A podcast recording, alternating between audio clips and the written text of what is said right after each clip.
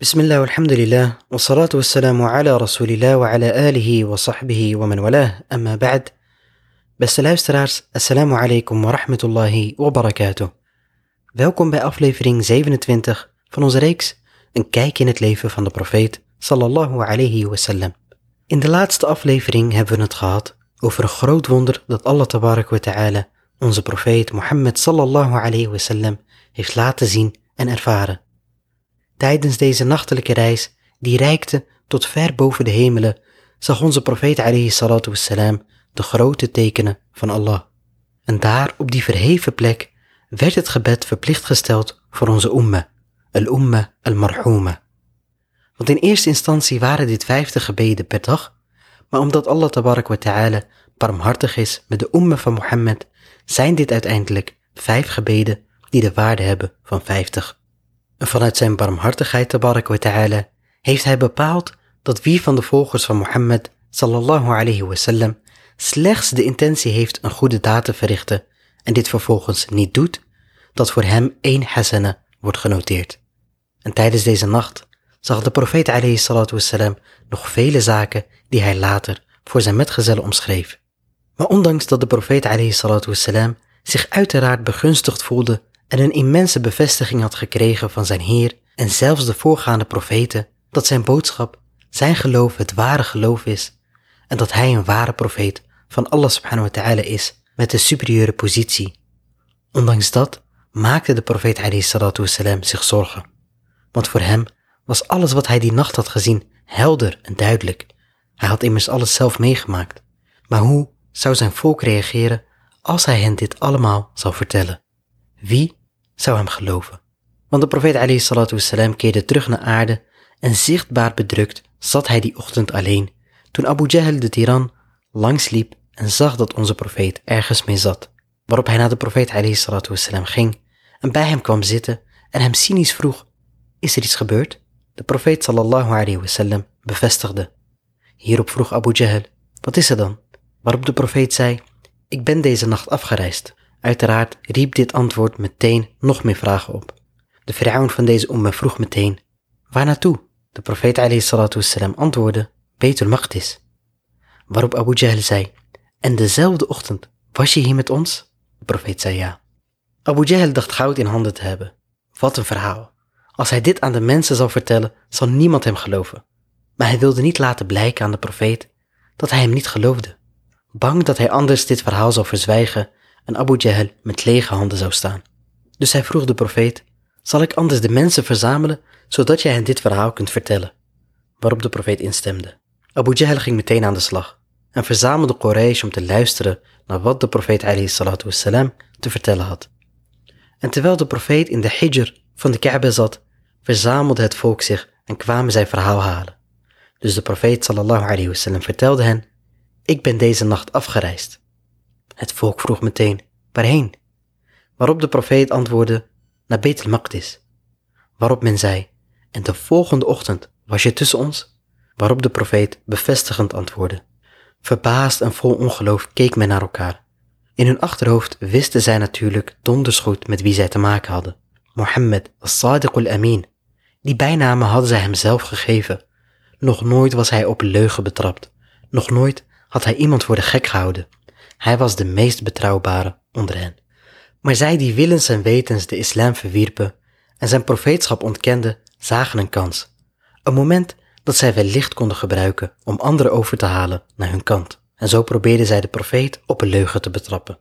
Want Quraysh kende Beit al-Maqdis namelijk. Met hun karavaan reisden zij regelmatig naar de Levant. Zij brachten daar goederen uit Jemen.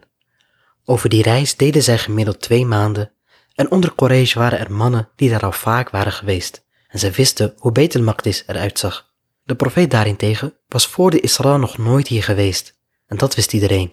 Dus daarom vroegen zij hem om de moskee te beschrijven. En deze vraag verontrustte de profeet. Een vraag was terecht, alleen had de profeet niet direct een antwoord. Hij is er zeker geweest, dat was het probleem niet. Maar het was nacht en veel van de details van de moskee had hij niet meegekregen.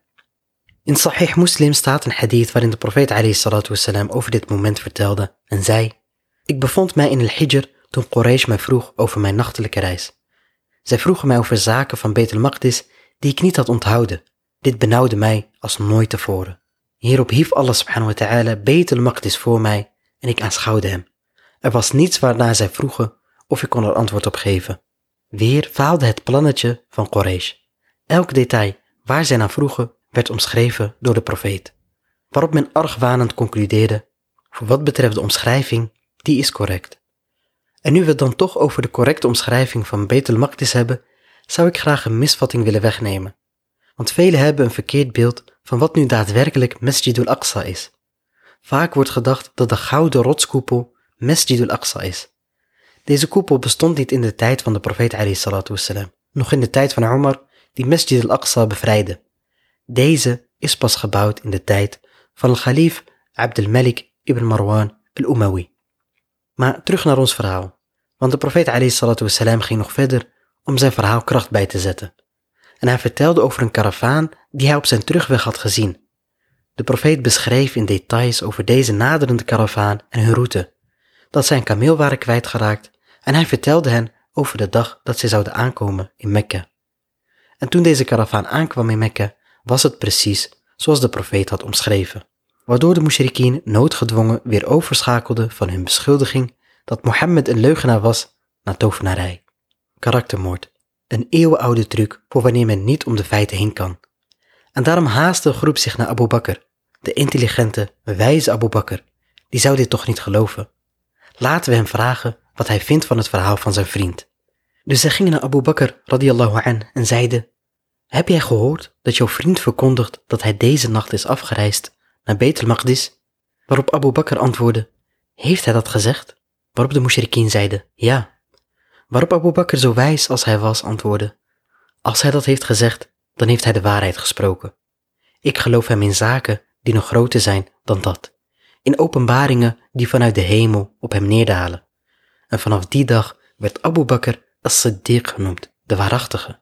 En wellicht kunnen we concluderen dat deze gebeurtenis juist op dit moment in het leven van de profeet alayhi salatu wassalam van onschatbare waarde was. Het versterkte de rotsvaste overtuiging van de profeet. Hij verkondigde de absolute waarheid van zijn Heer.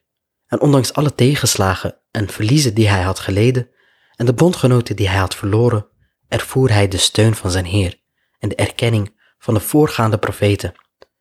En wie was opgewassen tegen een leger zo groot als dat van de engelen?